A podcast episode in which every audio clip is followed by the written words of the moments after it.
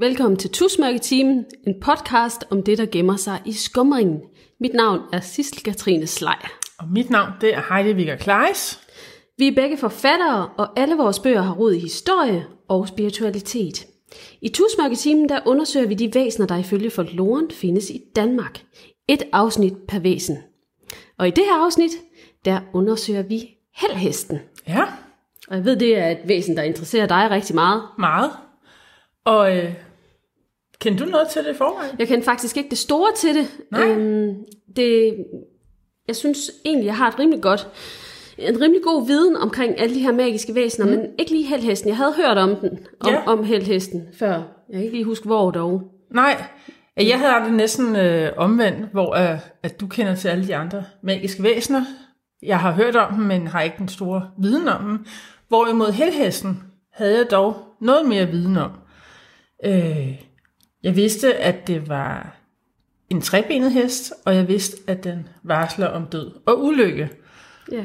Og øh, jeg vil sige, jeg hørte første gang, eller ikke første gang, jeg hørte om den, øh, øh, jeg var på sådan noget ghost walk i Roskilde her for et par år siden, og der fik vi at vide, at den huserer i området omkring Roskilde Domkirke, og at der stadig i nyere tid er blevet øh, hørt sådan en halten ned gennem Okay, de der små gader i Roskilde. Det lyder ikke rart. Nej, jeg har desværre ikke været i stand til i løbet af vores research øh, at, at finde nogle, hvad kan man sige, udtalelser her for nyere tid. Men øh, ja, jeg ved ikke, om vi en dag skal tage på øh, udflugt til Roskilde. Det kunne være interessant, hvis vi vil se nogle varsler om død og ulykke. Ja, ej, det tror jeg så ikke, vi har lyst til. Nej. Nej.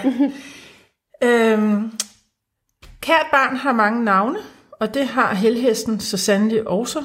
Da vi var i gang med research, så stødte vi på øh, rigtig mange betegnelser for denne her, øh, denne her helhest. Den er blevet kaldt for et dødsvarsel, en kirkevare, en kirkehest, lighest og dødninghest. Og ifølge folketroen, så dækker alle de her betegnelser over en, øh, en hest, som var blevet begravet som en slags indvielse i forbindelse med opførsel af en kirke, og som sidenhen så går igen og varsler om kommende dødsfald i sovnet. Der er lidt forskellige beskrivelser om øh, helhesten, men dem som, øh, som øh, de kendetegn, som ligesom går igen, det er, at den som oftest kun har tre ben. Det vil sige, at den får kappet det ene ben af, når den bliver levende begravet. Mm. Sikkert for, at den ikke kan stikke af. Nok. Ja, Sandt, ja. øh, det er sådan rimelig barbarisk. Ja, det må man sige.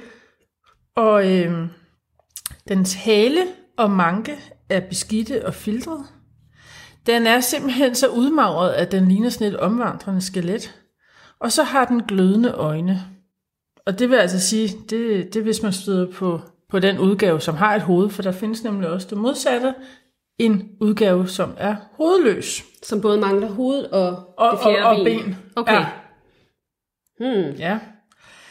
Hvis man en dag skulle være så uheldig at høre denne her umiskendelige lyd af en haltende hest, så skal man skynde sig væk i den modsatte retning. For hvis man ser helhesten, så siges det, at den varsler om et forestående dødsfald, en dødelig ulykke, alvorlig sygdom hos vedkommende eller en af denne slægtninge.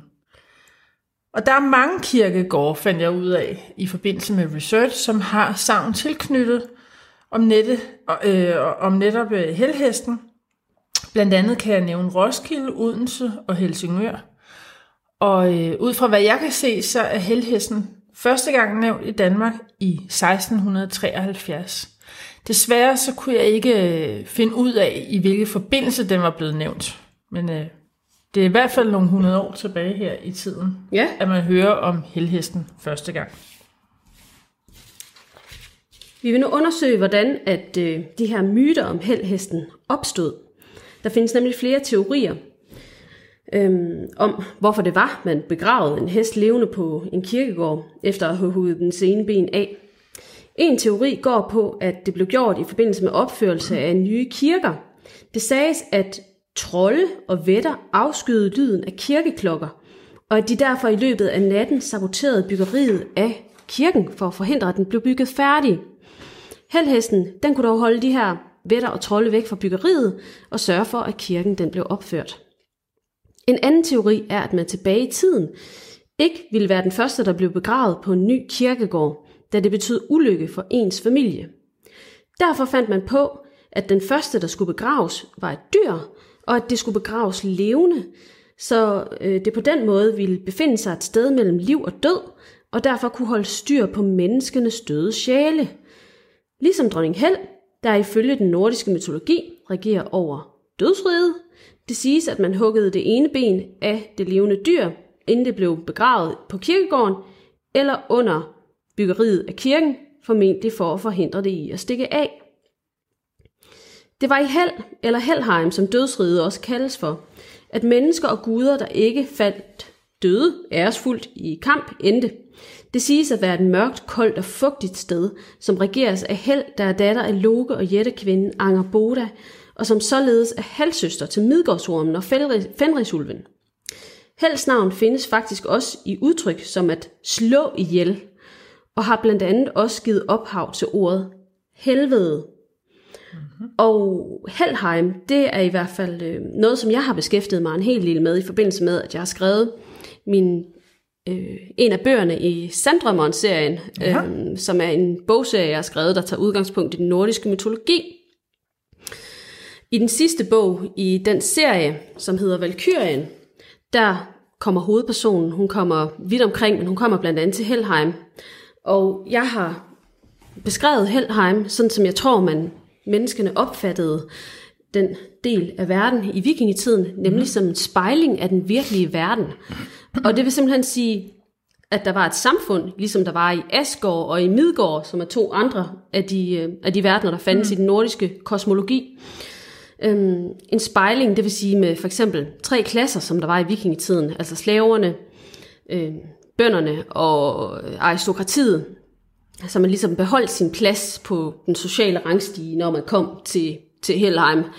Øh, og man boede øh, i samme former for huse øh, i Helheim, som man gjorde i Asgård og Midgård.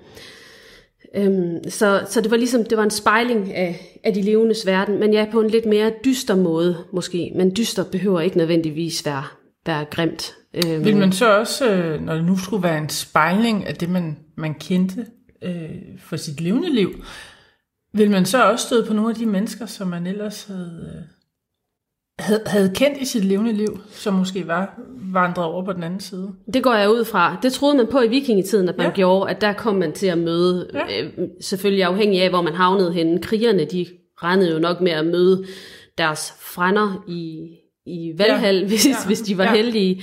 Men jeg tror, at alle andre, de, øh, de gik og så frem til at møde deres, øh, deres kære, når de kom til Helheim. Ja. ja. Så Helheim, altså helvede, man tænkte ikke på helvede som sådan, fordi i vores moderne verden, hvis man kommer til helvede, det bliver jo virkelig betegnet som noget, altså noget negativt, som en straf. Ja. Sådan var det ikke betegnet dengang, dødsriget. Altså, jeg tror, man anså det som et federe sted at være i, øh, i Asgård. Altså, ja. Øhm, det var, især for krigere, det var jo måden, man levede på. Altså, ja. krigerne, ja. der kunne øve sig dagen lang på, på at kæmpe, og som festede natten lang. Øhm, og så overhovedet ikke fik tømmermænd eller noget, men var klar til at gå direkte i gang igen med at træne næste dag. Øh, det var jo en drømmetilværelse for krigere, men spørgsmålet er, om andre almindelige mennesker, om det virkeligheden var det, de kunne tænke sig at ja. tilbringe evigheden med at gøre, ja. øhm, eller om de hellere ville et andet sted hen. Altså, jeg tror måske ikke nødvendigvis, man har set det som...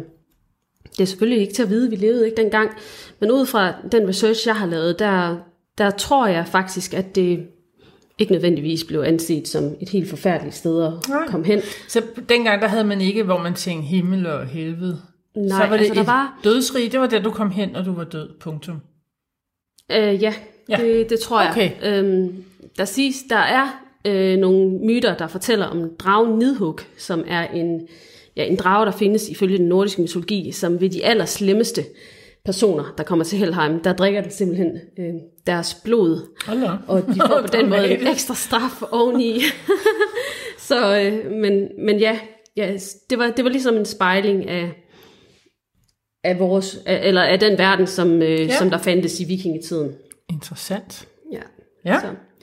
Men øh, hvis vi skal tale om øh, Evald Tang Christensen, som vi har gjort i de to foregående episoder. Det er jo ham, der er vores hovedkilde til mm-hmm. den her podcast-serie.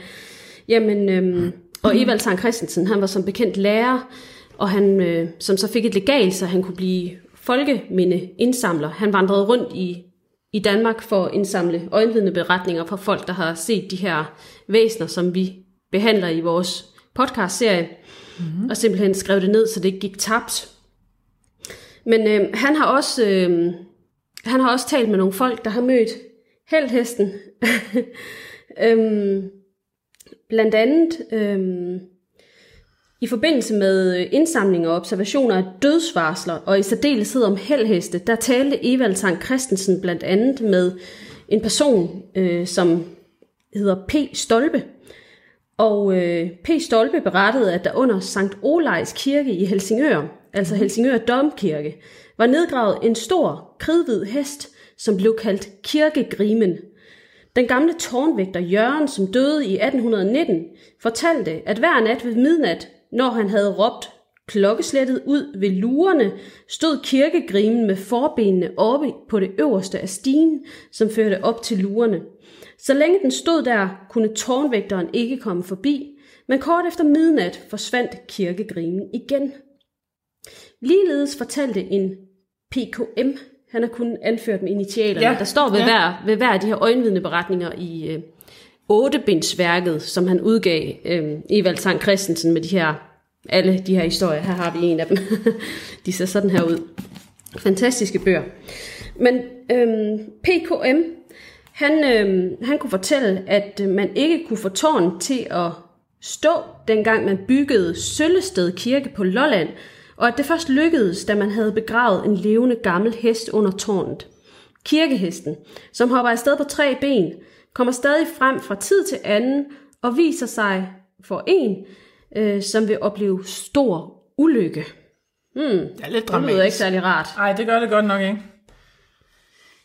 I forbindelse med vores research, der fandt vi også ud, at der er mange kirker i Danmark, som er omgivet af overtro. Og en af de kirker, som siges at, øh, at have sin helt egen helheds, det er Roskilde Domkirke. Og det var så også det, som øh, jeg fortalte om, jeg havde været på den her Ghost Walk i Roskilde for nogle år siden, og hvor vi netop hørte om helhesten. Den smukke domkirke, som huser danske konger og dronninger, blev opført i det 12. og 13. århundrede, men allerede tilbage i 1980'erne, så fik Harald Blåtand opført en trækirke netop der, hvor Roskilde Domkirke nu er placeret. Inde i kirken, om bag ved aldret, der er der en stor sort gotisk gravsten uden en øh, inskription helt ude til højre i rækken af sorte sten. Man sagde i gamle dage, at det var her, at helhesten var begravet, og man spyttede dengang på stenen for at undgå, at den genopstod. Det hænder faktisk stadig, at der er nogen, som spytter på stenen. Og det er jo så disse coronatider, tænker jeg. Eller bare i det hele taget. Nej, et no-go. Ja. ja. Helhesten siges at holde til i de små gader omkring Roskilde Domkirke, og der er flere, som påstår at have hørt den vandre omkring. Hmm. Jeg har læst mig frem til det her, men jeg har simpelthen ikke kunnet finde, hvad kan man sige, mere detaljerede fortællinger om det, som Nej. man kan, øh, som Evald Tang Christensen, at han har talt med folk. Nej. Nej. Det kunne være fedt, hvis han havde prioriteret det væsen ja. lidt mere, fordi øh, det er der stor forskel på, øh, hvilke væsener, der, der er flest historier om. Det må man sige. Mm. Det, øh,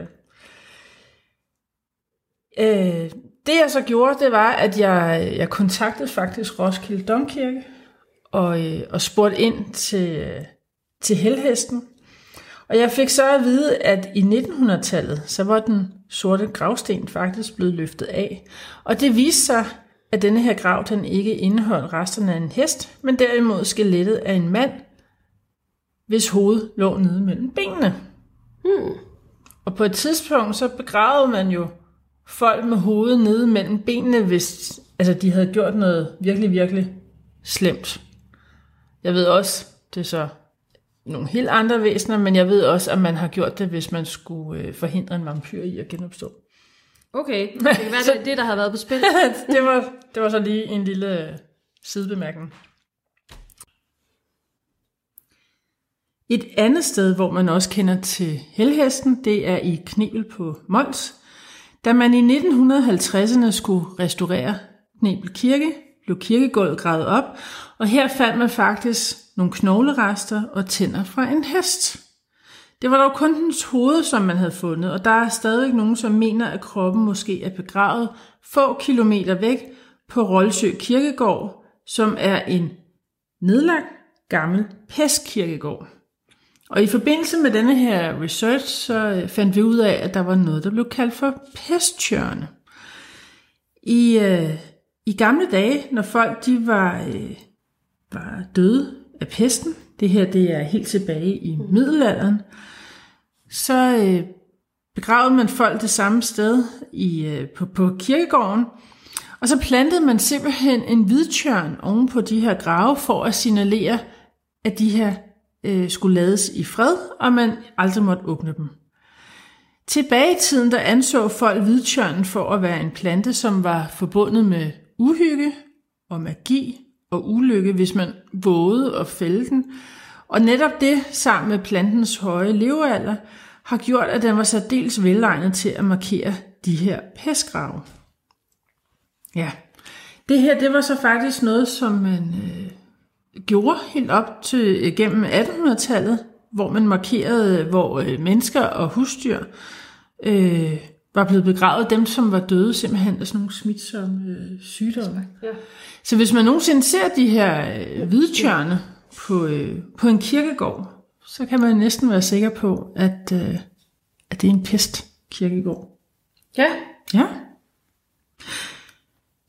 Denne her øh, helhest, også kaldet for en kirkevare, det findes også i andre kulturer.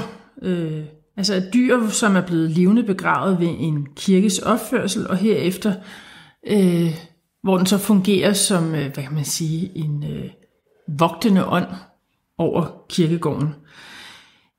De nævnes blandt andet i Sverige, hvor man kalder den for en kyrkogrim, hvor i England, der bliver den kaldt for en church grim. Men jeg har ikke nævnt, øh, hvad kan man sige, mere uddybende historie om det her, fordi vi jo netop øh, koncentrerer os om historien her i Danmark. Hvis man nu skulle have lyst til at udfordre skæbnen og tage ud i det ganske land i Danmark og se, hvor man kan få øje på helhesten, så kan man øh, besøge Roskilde Domkirke, der er selvfølgelig Knebelkirke, som jeg også lige nævnte. Rolsø Kirkegård. Der er Sankt Olejs Kirke i Helsingør, også kendt som Helsingør Domkirke. Og så Sankt Knuds Kirke, som også er kendt som Odense Domkirke. Jeg var faktisk lidt klar over, at vi havde så mange domkirker i Danmark. Det, det, det overrasker mig egentlig lidt, da jeg sad og, øh, og lavede denne her research. Ja, det var egentlig det, som vi har fundet frem om, øh, om helhesten, som øh, jeg lige vil sige, jeg synes både det er et fascinerende dyr, men jeg synes også, det er dybt tragisk, at man faktisk har hugget benet af et dyr og begravet det levende. Det er, det, det er dybt tragisk, ja. Ja, altså det er både øh, tragisk, og så også, altså når man selv er glad for dyr, så synes jeg bare, at det er helt vildt, at man har kunnet gøre det.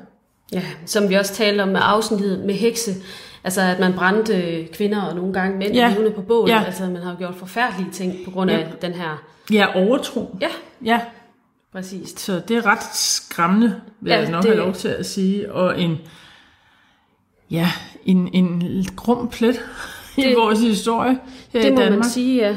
Ja, men øh, jeg tror, det er alt, hvad vi har at fortælle for denne gang. Det er det, ja. Ja, Så vi vil takke af for i dag, og ja. Så håber vi, I har lyst til at se med i næste episode, hvor vi taler om havfolk. ja det bliver rigtig spændende. Det gør det i hvert fald. Hej, tak, hej. tak for denne gang.